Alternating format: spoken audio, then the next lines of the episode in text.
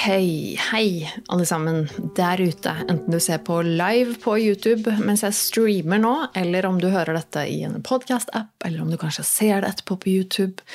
Hvem vet? Men uansett er du hjertelig velkommen til en ny episode av Nerve med meg, Tone Sabro. Det visste du, regner jeg med. Og dette blir en litt sånn uh, innklemt, rar episode nå, for jeg uh, Forrige uke så fikk jeg ikke laget noen episode, for da var jeg i Vennesla, rett og slett på Sørlandet, til hos kjæresten min i huset vårt der. Og neste uke så er jeg i London, så da får jeg heller ikke spilt inn noen episode. Så dette blir rett og slett en sånn liten innklemt raring, uh, uten noe spesiell mål og mening. Uh, kall det en bloggcast. Uh, og så får vi, eh, får vi se hva vi, hva vi, har å by på denne gangen. Jeg skal egentlig bare prate litt og være en liten venn på øret for de som bryr seg, og så får vi se. Jeg har noen, noen, noen små notater, noen notater her, men det er ikke fryktelig viktige, revolusjonerende saker, altså. Jeg må bare si det. Jeg må rette litt på innstillingene mine her. Det er jo ikke så ofte jeg gjør disse livestream-greiene. Eller vi si, jeg gjør det en gang i uka, men det er jo egentlig ikke så ofte. Jeg må liksom bare se at ting funker som det skal. Det ser ut som det gjør det. Um, ja, så for dere uh, som har lyst til å stille spørsmål eller sånne ting underveis, så kan dere gjerne gjøre det på livestreamen. Uh, hvis du ser på, på YouTube, f.eks. Uh, så Send inn gjerne noen spørsmål eller noe sånt i chatten, så skal jeg komme tilbake til det på slutten. Det er jo ikke så mange som pleier å se på dette her live. Dette går jo litt sånn eh, Går litt eh, eh, Litt sånn, hva heter det, impromptu når jeg er klar og har fått beskjed, holdt jeg på å si. Nå er det ledig her ved datamaskinen. For nå er min kjære samboer han er på et fotooppdrag. Så da kunne jeg grabbe litt tid ved denne datamaskinen og gjøre min lille podkast. Og eh, ja, jeg har jo vært en tur på Sørlandet, som jeg sa. Det er jo en stund siden sist jeg har vært der. Um, og det, det, gikk jo fint. Uh, ikke så veldig mye som skjedde der. Det var rett og slett ganske dårlig vær. Skikkelig, skikkelig ræva høstvær, må jeg bare si. Uh, med regn, og det var kaldt og uh, Ja, ikke så veldig mye å skryte av, egentlig. Så det ble mye innetid. Um, men vi var en tur i, til, i Tonstad min, til mine svigerforeldre som bor der. Der hvor min samboer er fra. Og det, det, er alltid koselig. Jeg setter jo alltid pris på å dra dit og besøke dem. Jeg er veldig glad i min svigerfamilie. Eh, og det er alltid koselig å dra på besøk der og bo i eh, min samboers barndomshjem. Uh, og ja, det er, det er, litt sånn For meg så er det som, litt som å dra på hytta, rett og slett. For det er, det er en sånn ja, det er bare en ro, og det er, det er, ikke noe mas. Og det er utrolig vakkert der, og utrolig hyggelige folk. Og det er liksom bare et sted jeg føler jeg kan slappe litt av og bare være meg. Jeg trenger ikke å drive og sminke meg og pynte meg så mye og sånn heller, for det er det jo basically ingen som gjør der borte. der er det jo det er jo basically bondelandet. Så det, det, er, det, er, litt befriende, det òg, jeg må jo bare si det. Men vi har eh, eh, Min samboer har jo noen venner som, som bor der for fremdeles, eh, som han er barndoms, fra barn, barndommen hans, som han fortsatt treffer iblant. Og vi pleier jo å gå på besøk hos dem eller treffe dem når vi, når vi er der. Hvis det lar seg gjøre. Det, så det ble jo Vi snakket jo litt med dem, da. Ja, det skulle passe fint. Altså avtalte å komme, komme innom der på lørdagen. Da skulle de lage hjemmelagd pizza. og eh, bli invitert bort dit da, for å bare sitte og ta en øl og en prat og spise pizza. Og det er jo kjempekoselig. Eh, alltid med meg så blir det jo litt eh, sånn eh, Ja, hva skal jeg si? Eh, litt sånn eh, tricky noen ganger når det gjelder mat. For jeg er jo tricky. Når det gjelder mat. Jeg har spiseforstyrrelser, men jeg er også veganer. Helst, helst, helst veganer. Eh, kan gå for vegetariansk mat. Eh, og liker samtidig ikke å lage oppstyr og være til bry og sånn. Eh, så det var på Jeg tror det var dagen før vi skulle bort til disse disse kompisene, og det var snakk om hjemmelagd pizza og sånn, så så sa Gunnar, eh, min samboer, noe om eh, at eh, ja, hintet om noe med denne pizzaen, hva skal jeg si, eller i forhold til hva jeg skal spise osv. Så, så sa jeg, jeg sa med en gang bare sånn Du, bare, bare drit i det. Ikke, ikke, lag noe oppstyr om meg og min vegetar-vegan-ting. Jeg, jeg, regner med at det blir pizza som er sikkert langt ifra vegetarisk og alt sånt. Det er helt greit. Um, men jeg, jeg, kan plukke av ting. Altså, jeg kan spise den osten som ikke er vegansk, det går fint. Og så kan jeg plukke av kjøttbiter og sånn. Det går fint. Jeg orker ikke at de skal begynne å styre med å liksom lage en egen pizza til meg, og så blir det sånn styrete, eller at det skal være noe Nei, off, jeg, jeg liker ikke når det blir så mye oppstyr rundt mine preferanser. Det syns jeg er litt sånn slitsomt å forholde meg til. Så jeg, sa rett og slett bare nei, drit i det, bare la de lage det de skal lage, og så kan jeg bare plukke av de kjøttbitene. Altså det nei, det ordner seg.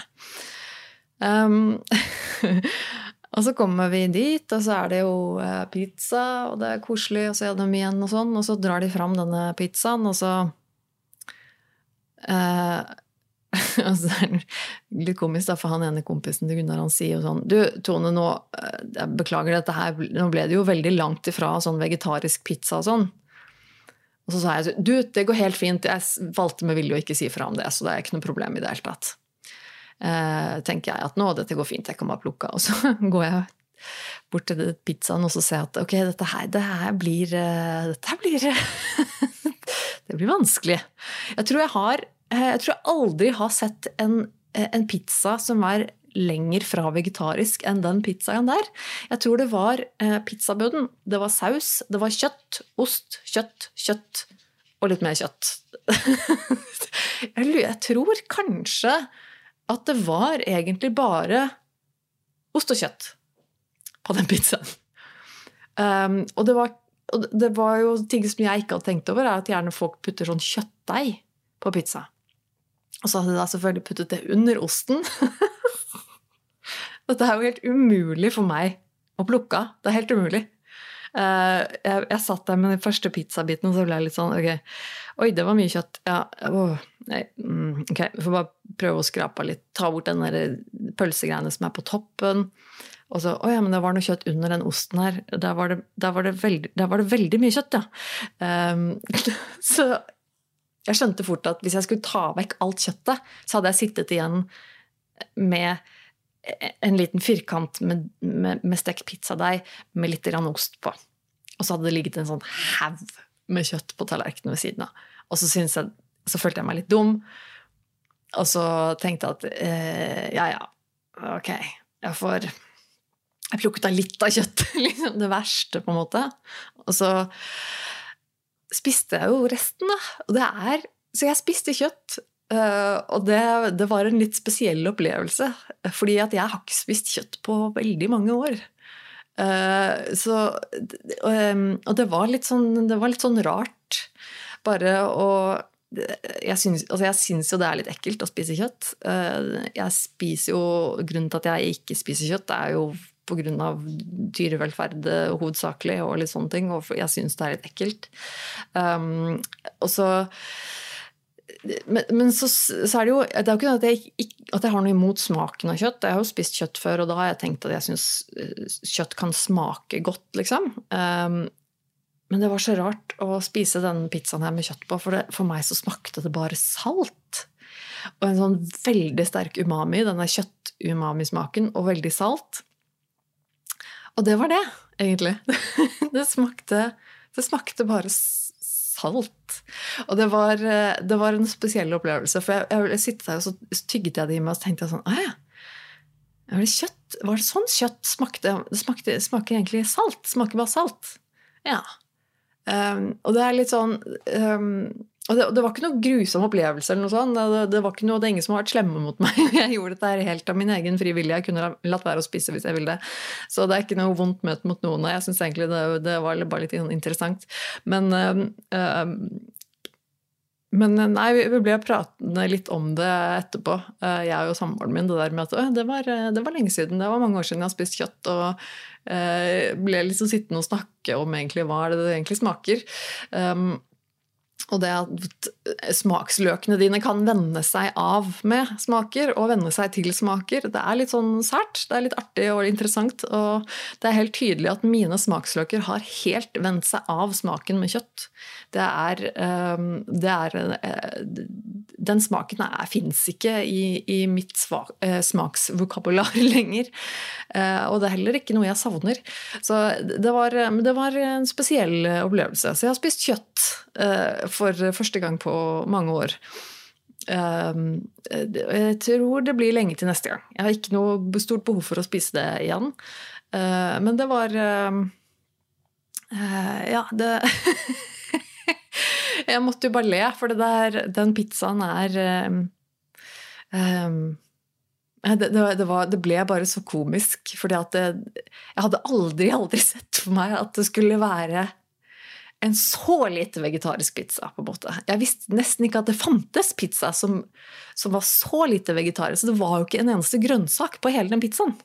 Uh, jeg syns jo det er uh, Jeg syns det er gøy. Det var, det var, jeg måtte jo bare le.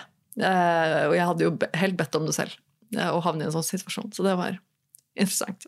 Men det ble en hyggelig kveld. Eh, absolutt veldig veldig hyggelig kveld. Veldig hyggelige folk. det som er litt deilig der òg, at jeg det her er jo en liten et lite tettsted, så det er jo ikke så langt dit, der hvor denne kompisen til, til, Gunnar bor. Og der bor de to brødrene også, så det blir jo på en måte en liten sånn familiegreie der. Um, med gutta boys og, og meg. Og det er veldig hyggelig, det. Men da er det også veldig greit at jeg kan eh, tusle hjem når det passer meg. For det er utover kvelden her så blir det veldig mye internt språk og interne folk, eh, holdt jeg på å si, referanser som ikke jeg tar, og alt mulig sånne ting. Og da er det så greit at jeg bare kjenner at nå kan jeg rett og slett bare tusle hjem igjen til eh, mine svigerforeldres hus, og så kan jeg chille litt der alene, for de har gått og lagt seg.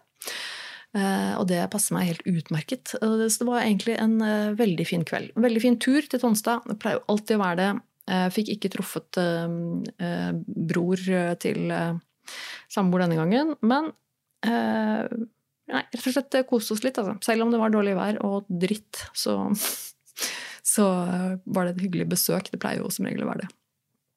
Um, nå er det jo sånn at uh, Og så skulle, skulle vi hjem igjen hit, og så til Oslo. Nå er det jo lenge siden Gunnar har vært med meg her i Oslo, så det var hyggelig å kunne ha han med hjem igjen. Hit. Um, og vi har jo, når vi har vært i Oslo, eller når Gunnar har vært her da, uh, og hatt bilen, så har vi jo hatt et litt sånn parkeringsplassbehov. Uh, og det er jo ikke alltid så veldig lett å ordne når man er midt i Oslo sentrum. Um, og så har vi vært så heldige at vi har eh, hatt en, eh, en avtale med en dame som bodde i borettslaget her, som, hadde, som eier tre parkeringsplasser nede i parkeringshuset under her. Så vi har egentlig eh, bare hatt litt sånn kommunikasjon med henne når vi har trengt parkeringsplass, og så har vi fått en grei døgnpris. Og det har funka kjempefint.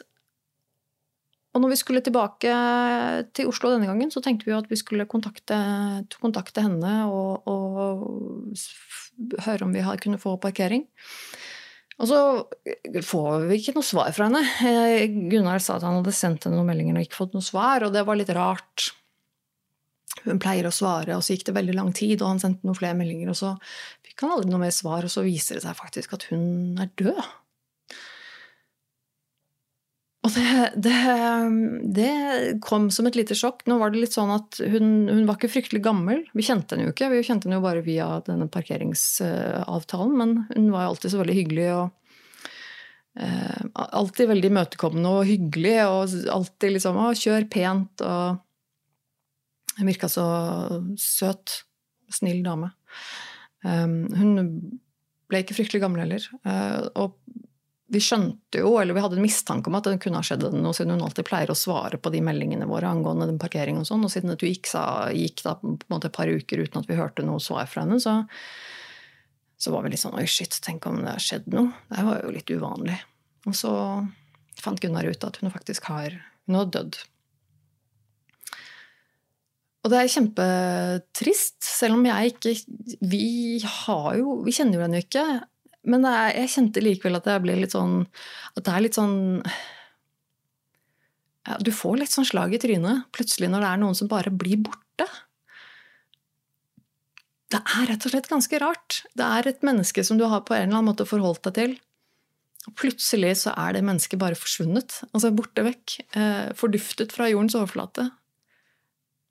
Um, og selvfølgelig, eh, som sagt, vi kjente henne ikke, så det er ikke sånn at det er synd på oss. Men man, man kjenner jo litt på det. At man blir litt sånn Oi, shit. Det, det var rart. Uh, og så og så, vi, um, så ble det jo litt, selvfølgelig litt sånn Oi, hvor skal vi parkere da? Og så fant vi en annen fant vi en annen parkeringsplass i samme, samme anlegget, og så, så det ordna seg, det. Da vi kom hit i går kveld, da vi kjørte fra Sørlandet til Oslo, og så kjørte vi inn i parkeringshuset, og så måtte vi finne den nye plassen, og litt sånn frem og tilbake. Og så, så kjente jeg at det var litt sånn vemodig, for det var litt sånn Åh, nå kan vi aldri parkere der igjen. Nå er liksom den parkeringsplassen der borte. Nå er liksom den, altså, den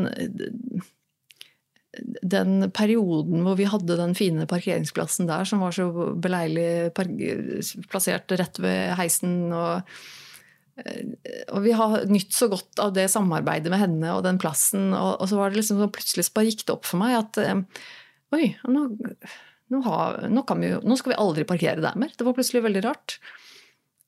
Um, og det, det det er jo eh, veldig trivielle og lite viktige ting. Det jo, og det er jo som sagt, vi kjente henne jo ikke, så det er ikke sånn at vi blir påvirket personlig av det osv. Så sånn, eh, egentlig. Men, og det er jo ikke synd på oss for at vi mister en parkeringsplass. Det er jo, men det var liksom bare det at det, det ble et sånt lite sjokk for systemet. Og det er så rart. Jeg har jo det, du, du, blir liksom bare Nei, det var liksom bare det at jeg ble sittende og og på en måte plutselig føle litt på det. At liksom, oi, nå var det et menneske som forsvant. Hun plutselig bare døde. Og hun har hatt kommunikasjon med oss med andre, og hun har disse parkeringsplassene som hun har administrert og eh, vært så snill å ordne med det, og, og plutselig så bare borte. Um, og det, det, Nei, det var rart. Det var rett og slett ganske, ganske rart. Men uh, jeg må jo bare sende de beste tankene til hennes pårørende uten at jeg vet hvem det er. Men uh, det er alltid trist når noen, noen, går bort. Så vidt vi skjønte, så var det ikke mer enn kanskje et års tid siden hennes mann gikk bort. Og nå har hun også dødd. og så vidt jeg skjønte, så er hun i 60-årene. Uh, ikke fryktelig gammel. Så det er jo egentlig kjempetragisk. Og jeg hadde aldri trodd at jeg skulle føle nostalgi og liksom tristhet overfor en parkeringsplass, på en måte. Eller ikke for parkeringsplassen, men at det skulle liksom trigge At en parkeringsplass skulle trigge sånne følelser. Det var Nei, det var, det var uh, litt spesielt. Um, vi, men vi ordna, det ordna seg. Vi, vi, eh, vi surra rundt i dette svære anlegget under bakken her og fikk noen instruksjoner på hvor vi skulle finne denne nye plassen. Og det var litt fram og tilbake, fordi vi hadde jo tydeligvis havnet et, under et annet borettslag, så våre nøkler funka ikke helt til de oppgangene som var der. Så vi måtte jo Ja, det, det var en interessant, eh, interessant liten et lite interessant eventyr gjennom eh, garasjen der med litt for tung bagasje og sånn. Men vi kom oss nå ut og hjem til slutt. Um, og så er det noen dager her nå i Oslo før vi skal reise til London på en konsert. Det er Gunnar som skal eh, eller som gleder seg mest til denne konserten. Det er jo eh, Nick Kershaw-konsert på torsdag, som er eh, grunnen til at vi reiser. Og så gjorde vi rett og slett en liten tur av det. Så vi har med datteren til Gunnar. Uh, skal shoppe litt. Uh, det, Sier jeg med liksom gåsetegn, fordi jeg har ikke noen penger til å shoppe. Men vi skal i hvert fall hygge oss, og jeg har um, Jeg skal planlegge lite grann. Jeg skal i hvert fall gjøre noen søk på, på internett og finne For jeg, jeg har veldig lyst til noen, noen sånne enkelte ting jeg har veldig lyst til å gjøre når jeg skal til London nå. Så er det sånn London har jeg vært før. Det er lenge siden jeg har vært der, så det er jo hyggelig, men, men men det er jo en, det er ikke så langt, og det har, jeg har vært der før. Og det, det, er forholdsvis dyrt og litt sånn. Um, men er det noe jeg har lyst til å gjøre, så er det å finne noen skikkelig sære liksom bisarre museumer. Og det vet jeg at fins der. Jeg har googlet lite grann og funnet, funnet eh, Jeg husker ikke hva det het, det museet, men jeg fant i hvert fall ett museum som var sånn lite sånn rart museum som hadde eh, skjeletter av rare dyr og Altså sånn Ja. Sånn, sånn litt morbide ting som jeg syns er veldig interessant og spennende. Uh, og det får jeg heldigvis med meg min bonusdatter på, for hun syns også det er gøy. Så da kan vi gå, og, gå dit, finne noen sånne sære, rare steder. Jeg har jo vært på liksom de store de, um, sånn British Museum og, og, Natural History Museum i London er jo fantastisk. Der har jeg vært før. Så det er ikke sikkert vi er så keen på å gjøre det, men da er det liksom gøy å kunne finne noen sånne rare rare, små, bisarre ting som du kan, du kan se ting du rett og slett aldri trodde du kom til å se, det, det håper jeg jeg kan finne. Altså, det, er litt, det er litt planen. Så vi får se. Jeg skal planlegge litt, jeg skal prøve å ta litt bilder. Og jeg har jo en, selvfølgelig en ambisjon om å filme litt. Og se om jeg kan lage en vlogg når jeg kommer hjem igjen. Um, YouTube er fortsatt vanskelig for meg å jobbe med. Altså. Det er lite videoer som kommer fra meg for tiden. Um, og det er um, Ja, jeg vet ikke hva jeg skal si engang, fordi jeg Jeg syns det er dumt. Uh, jeg skulle ønske jeg kunne lage mer. Men det er altså null energi og null fokus, null motivasjon, null Altså, det, det oppi hodet mitt, det går ikke Det går for treigt på et eller annet vis. Um, og det, da går det veldig dårlig å sette seg ned og jobbe intenst med noe som krever fokus og konsentrasjon i flere timer. Men jeg skal, jeg skal gjøre et forsøk. Jeg skal i hvert fall filme og så får vi se om jeg klarer å lage noe ut av det når jeg kommer hjem igjen. Vi skal være der til neste helg. Vi reiser jo på tirsdag, og så blir vi borte resten av uka. Um, men da har jeg i hvert fall noe å glede meg til. Jeg tror det blir veldig fint. De hva er det vi fant ut av? Jeg og Gunnar tror vi fant ut at de tre siste ferieturene vi har planlagt, har blitt kansellert. Det var først Praha. Vi skulle til Praha, vi hadde kjøpt og betalt, booket alt. Eh, så kom covid, så da måtte den avlyses. Eh, så skulle vi til eh, Kenya i fjor. Da fikk vi covid rett før. Måtte avlyse. Og så var det jo nå i sommer hvor vi egentlig skulle til Cecilia, hvor vi også måtte avlyse pga. Av at Cecilia rett og slett sto i brann. Det var helt krisetilstander på Cecilia, så da måtte vi avlyse den. Så dette blir jo første utenlandsturen min på Ja, siden 2019 blir det vel. Eh, så jeg må jo si at jeg er litt spent på om det blir noe av. Bare fordi at den med den flaksen vi har hatt, så, så, eller uflaksen, for å si, da, eh, så kan det jo virke som om det ikke er meningen at vi skal komme oss til på noen tur med det første. Vi får bare, vi får bare se. Jeg, jeg, håper virkelig ikke det blir noe covid eller noe annet eh, drit som skjer nå, før vi skal reise. Det hadde, øh, det hadde vært så typisk. Nei, nå håper jeg faktisk at vi får en tur og kan komme oss bort litt grann og nyte litt tid sammen og øh, det hadde vært eh, For det hadde vært deilig. Det må jeg bare si.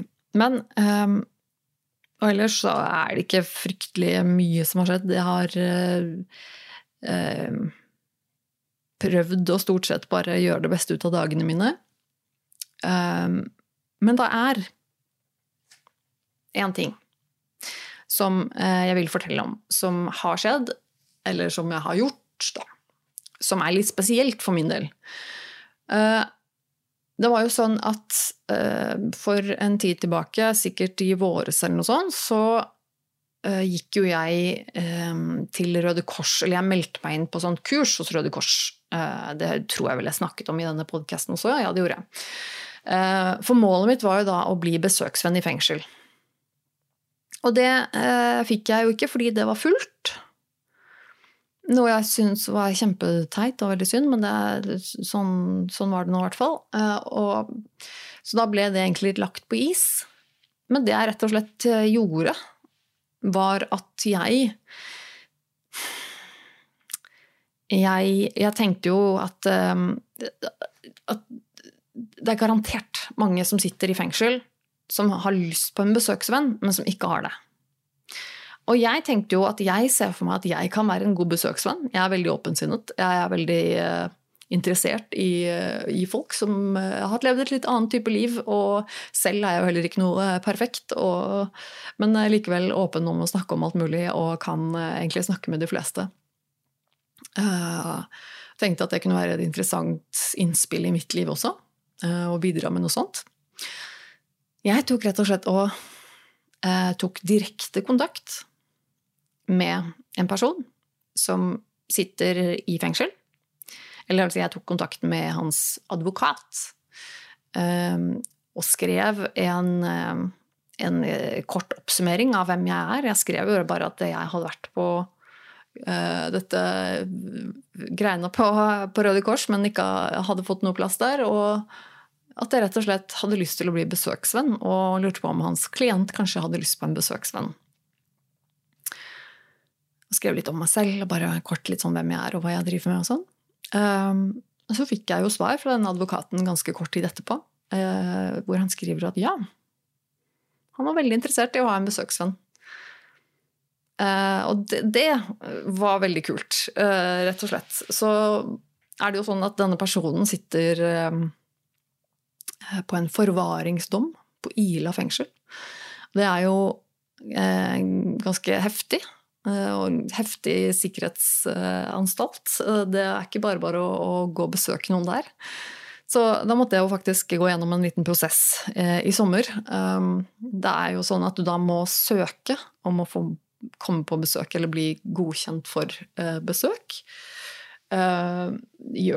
gjennom en sånn portal på internett. Det er veldig enkelt sånn sett. Um, hvor de da selvfølgelig sjekker rullebladet ditt og sånne ting. Og så tar det litt tid før man da eventuelt blir, blir godkjent. Um, og det tok, det tok, ganske lang tid. Det tok et par måneder. Det var jo selvfølgelig helt i begynnelsen av sommeren jeg begynte å søke på dette. Så det er klart da tok det jo litt ekstra tid. Um, men jeg uh, fikk da til slutt godkjent um, den besøksretten. Uh, og plutselig så var jeg godkjent som besøkende på Ila landsfengsel. Um, og det er jo kjempekult og veldig spennende. Og samtidig veldig skummelt. Men eh, det som er skummelt for meg, er ikke nødvendigvis det å snakke med den personen jeg skulle snakke med, som sitter inne, men mer det å komme seg dit. Jeg har aldri vært på Ila, jeg vet så vidt hvor Ila ligger hen. Um, og det er jo en sånn ting som som vekker ganske mye angst i meg. Den der prosessen den, den, uh, med å komme seg til et sted man ikke er kjent. Jeg vet ikke hvordan det ser ut, jeg vet ikke hvordan det funker. Um, hvordan kommer jeg meg til og fra uh, de tingene der. Um, og da var det jo sånn at dette her var mens Gunnar fortsatt var i, på Sørlandet, så jeg hadde jo ikke noe bil. Så jeg måtte jo finne ut av ok, hvordan kommer man seg til Ila uten å ha bil? Nei, det er jo da å ta T-banen og så hoppe på en buss derfra, og så eh, hoppe av bussen. Bussen jo, stopper heldigvis rett ved Ila, da, så da var det jo greit. Men bussen går jo bare to ganger i timen, så litt sånn kronglete sånn sett. Men jeg, så, jeg, så, det tok litt tid før jeg klarte liksom å, å, samle meg og virkelig liksom avtale et besøk. For det er også sånn at for å besøke noen på Ila, når du først er blitt godkjent til å komme på besøk, så må du ringe og avtale besøk innenfor de besøkstidene de har satt opp. Um, og det er også en ting. Jeg må faktisk ringe og si hei, jeg, kan jeg komme på besøk da og da? Og det å snakke telefon er oh, jeg har liksom telefonangst. Eh, så det satt litt langt inne for meg, det å faktisk ta den samtalen. Du må ringe liksom innenfor klokken sånn og sånn på formiddagen, for det er da besøkstelefonen er åpen. Så må du ringe, og så må du si hvilken dag du vil komme, og så um, men jeg fikk nå gjort det. Tatt litt sånn motet til meg. Uh, Psyka meg opp litt og bare Ok, den dagen kommer jeg. Så jeg gjorde det. Um, avtalte, planla, ok, alt i orden. Uh, og så uh, sjekka tider og alt mulig for T-banen og bussen og alt mulig. Så jeg, uh, jeg, hadde planlagt dette ganske nøye og selvfølgelig ganske stressa i lang tid på, i forveien. For det, dette, det er jo sånne ting som, som gjør at jeg går og stresser i lang tid. Sånn som jeg vet at jeg skal reise til London også om noen dager, så, så, går jeg og stresser i lang tid. Jeg kjenner det nå også, at jeg skal reise til London snart. Eh, at det er en sånn, sånn underliggende sånn stress som ligger inni meg. Men eh, jeg kom meg jo på da, denne T-banen og denne bussen. um, Og Ila fengsel ligger jo i Eiksmarka i Bærum. Eh, langt utafor. Der, der ligger jo 80 gokk, liksom. Så jeg satte meg på den bussen. Det var meg og to andre på den bussen, tror jeg. Vi humper liksom i vei utover på de landeveiene der, og så kommer det til slutt og Endestoppet er Ila. så går jeg av der. Det er ganske, da er vel klokka Jeg tror jeg var der halv Ja, klokka var rundt halv seks, og da hadde det begynt å bli litt sånn mørkt, men også var det dårlig vær. Det var litt sånn regn og sånn. Så jeg eh, Og jeg, åh, jeg, kjenner jeg blir helt sånn med en gang jeg snakker om det, for jeg bare henter igjen den der følelsen jeg hadde. Hvor det bare sånn Å, herregud, hva gjør jeg her? Eller sånn Hvordan funker dette? Hvordan, hva gjør jeg nå? Så når jeg går av bussen, så er jeg liksom Ok, hvor, hvor skal jeg nå? Jeg vet jo ikke hvor inn altså, ok, Det er en vei som, det er sikkert noen av dere som har sett dette på nyhetene, sånn, hvor de har filma Spesielt når de eh, filma liksom, Viggo Kristiansen da han slapp ut fra Ila og kjørt hjem, og sånn, så er det folk som har rigga seg til utafor der og filma. Det er en sånn liten bakke som går opp til en sånn kjempesvært gjerde eh, utenfor en sånn plass der hvor fengselet ligger. Eh, så jeg er vel liksom Ok, hva, hva gjør jeg nå? Eh, så jeg tusler jo liksom bare litt sånn opp mot opp mot dette gjerdet, og så se at ok, der er det noen sånn ringeklokke eller et eller annet sånt på siden der. Og så er det en sånn uh, liten sånn ja, sånn uh, ringeklokke der, liksom, med sånn du, kamera og så sånn ringe, ringeknapp, og så står det liksom 'besøk, henvend her'. Så trykk på den ringeknappen, og så ringer det, og så sier de 'hallo'. Og så sier jeg 'hei, jeg skal besøke sånn, sånn ja, avtale'. Ja, bare gå opp. Ok, og så gikk jeg liksom videre oppover bakken da, til liksom selve eh, gaten, liksom, den svære bommen. hvor det er sånn kjempehøyt gjerde med piggtråd liksom, på toppen. Eh, og med en sånn port som er selvfølgelig svær lås, som er sånn bilport. Og så ved siden av der så er det en sånn inngang som du ofte ser til eh, eh hva heter det, til sånne byggeplasser og sånn, som er sånn rund, rundgang Hva er det, hva er det, hva er det heter? Sånn, eh, sånn Ja. Sånn uh, gitterinngang som er sånn som snurrer rundt, sånn at du bare går én og én inn av gangen. Så det er på en måte veldig sånn, ja. Så, og der var det en, en til sånn knapp som måtte ringe på uh, med kamera. Ja, hei, hei, det var meg. Ja.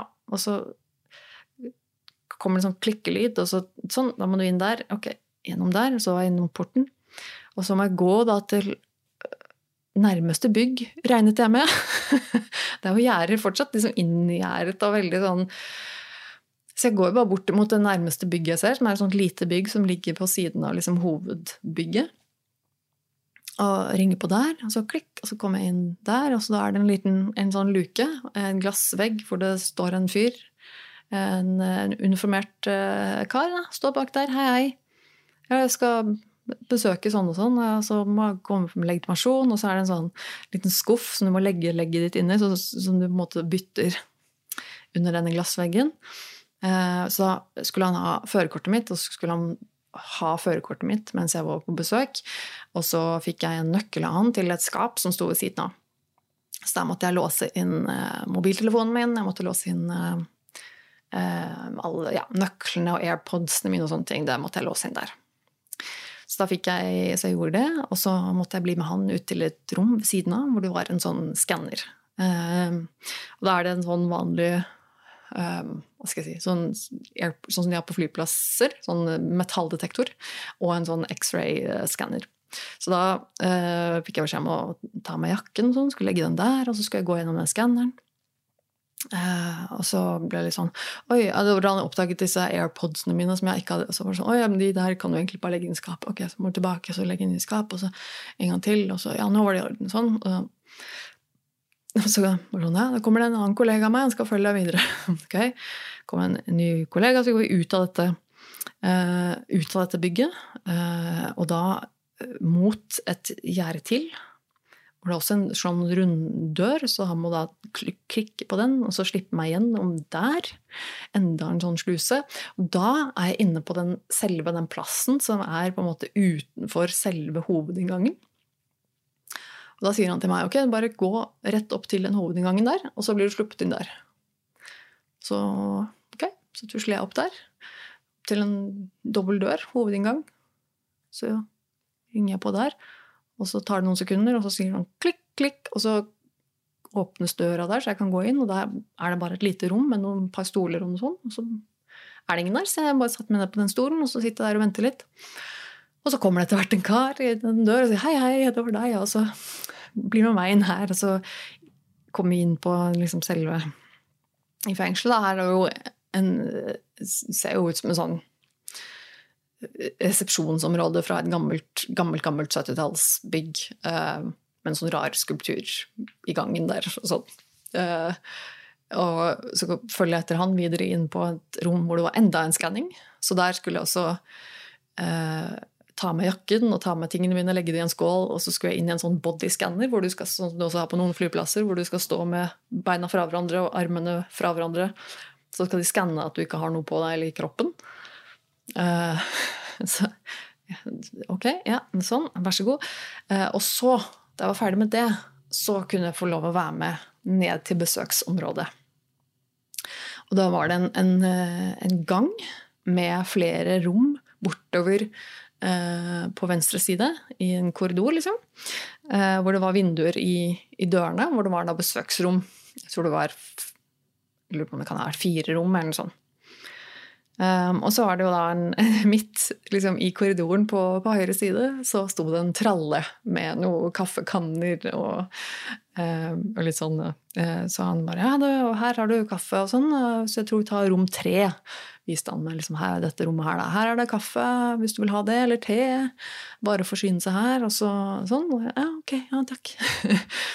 så jeg, går jeg inn på dette besøksrom tre. Der er det et, et vindu. Så, ja, det er jo et ganske lite rom. Det er en, en liten sofa og et uh, bord og en, to lenestoler på andre siden av, av, av bordet. Og det er det.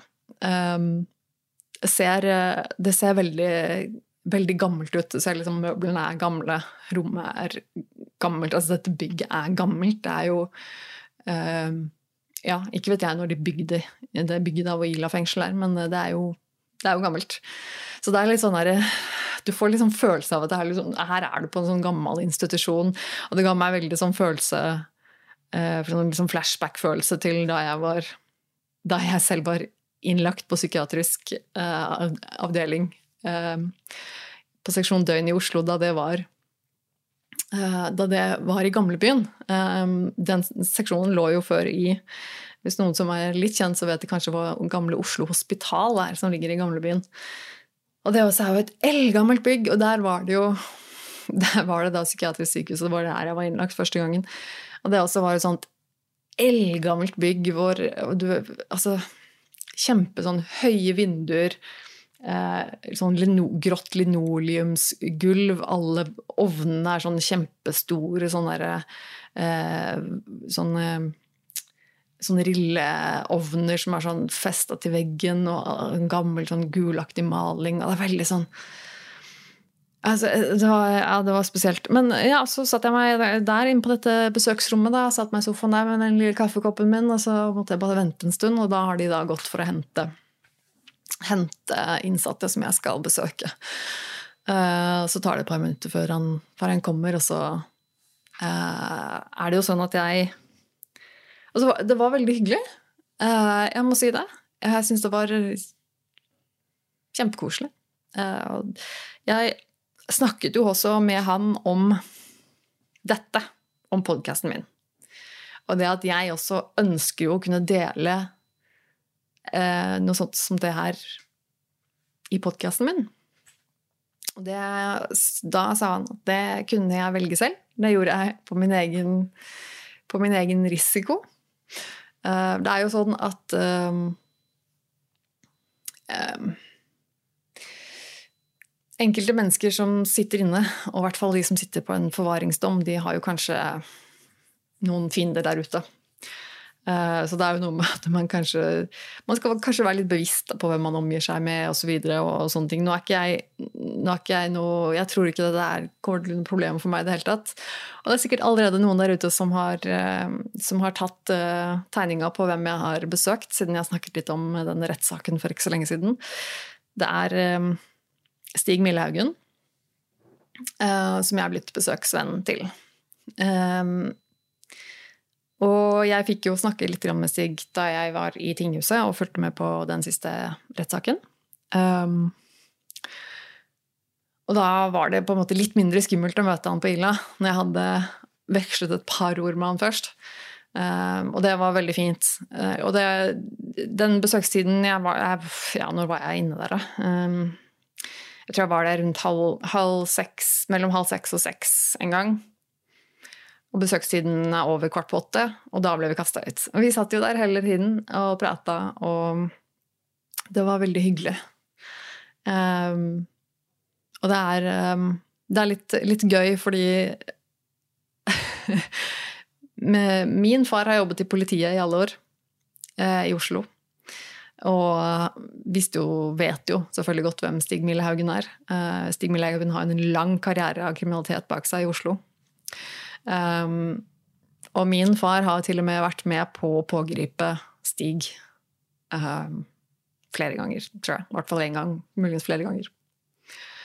Uh, noe jeg også fortalte til Stig. Men det er jo litt gøy at da kan jeg på en måte sitte der, og så kan jeg snakke med Stig og bli kjent med han. og uh, sitte og prate om livet og, meg og mitt liv, og liksom så er, sitter han der, og så er han er min far vært en av de som på en måte har pågrepet han. Det er jo veldig gøy. Um,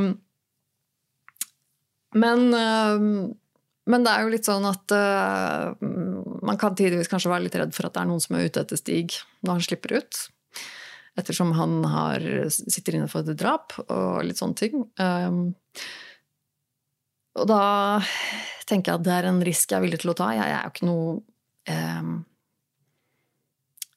jeg er ikke noe pårørende for han, jeg er jo ikke noe familie, jeg er ikke noe sånt noe for, for, Stig, så grunnen til at noen skulle komme etter meg for at jeg kjenner han, er ganske liten.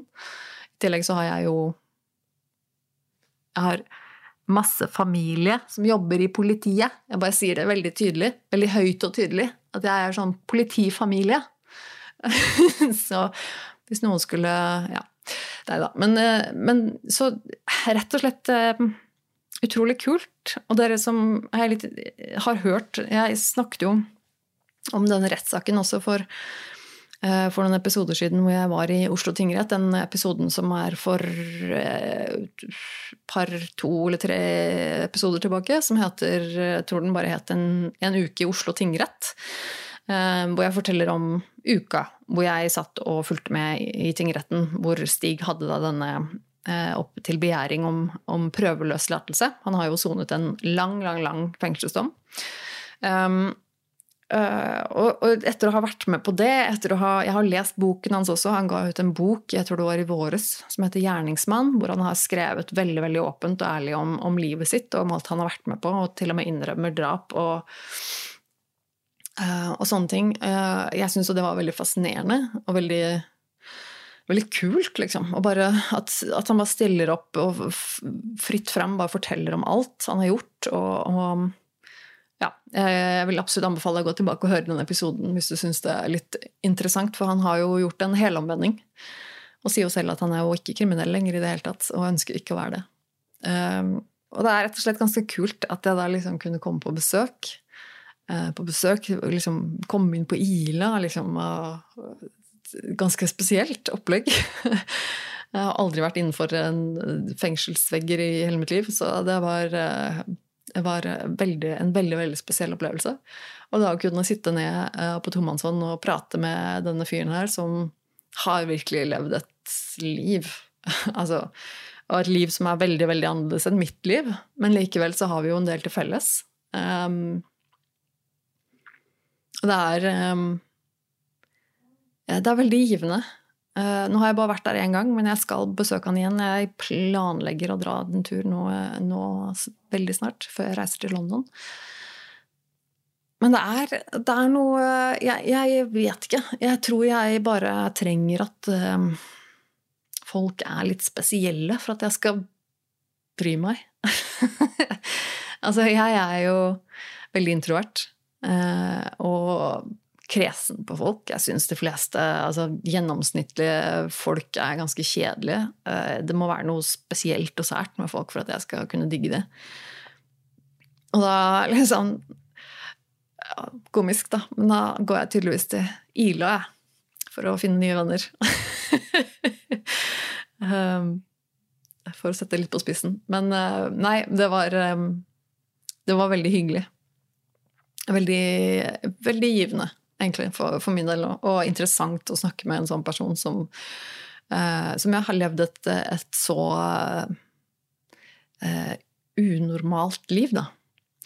Så det, det er eh, det var, det var, hyggelig. Det var veldig hyggelig. Og jeg må si at jeg Han var eh, Mitt inntrykk av han som person er omtrent sånn som jeg trodde det skulle være. Han for meg virker som en veldig oppgående, smart eh, type, egentlig. Eh, veldig reflektert. Og det var, en, det var kjempehyggelig besøk.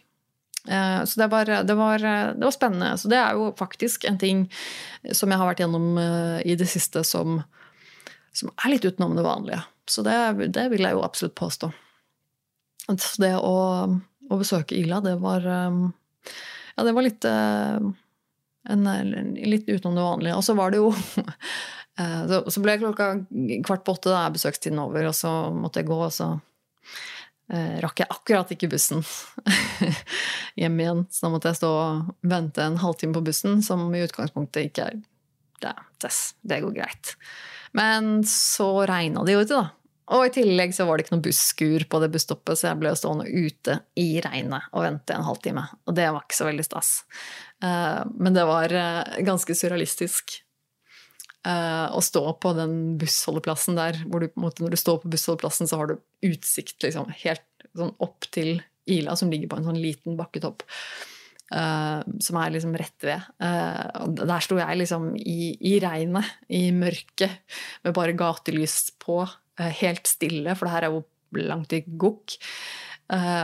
står der og blir våt og venter på bussen skal komme, og det er liksom Der oppe har jeg vært.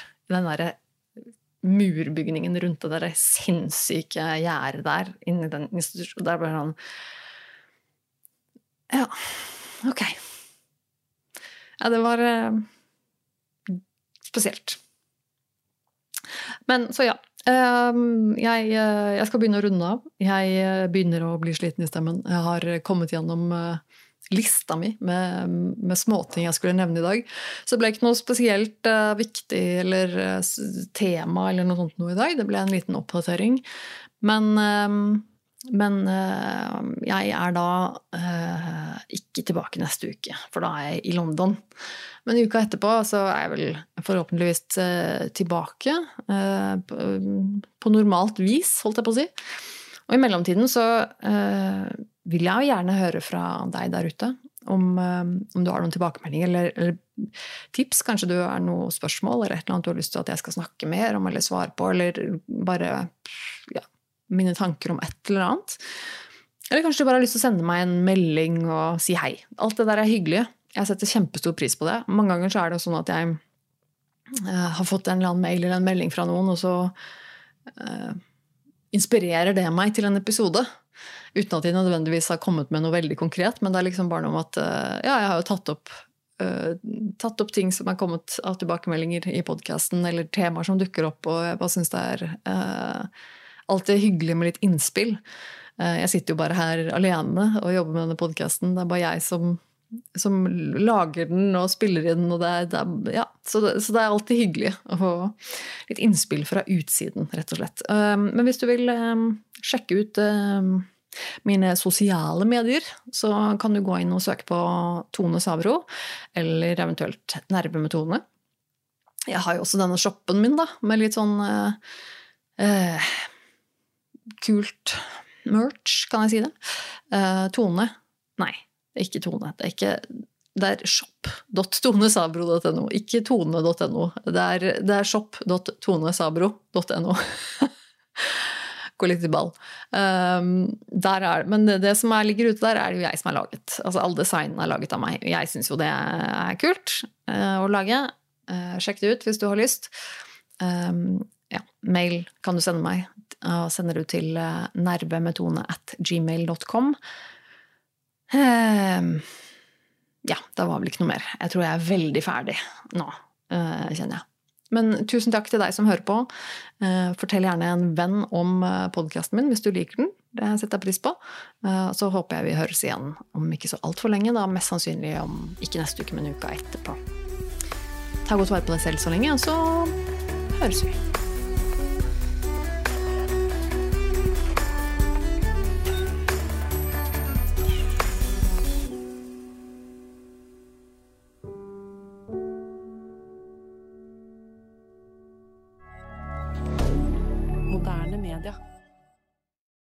Har du et enkeltpersonforetak eller en liten bedrift? Da er du sikkert lei av å høre meg snakke om hvor enkelt det er med kvitteringer og bilag i fiken, så vi eh, gir oss her, vi.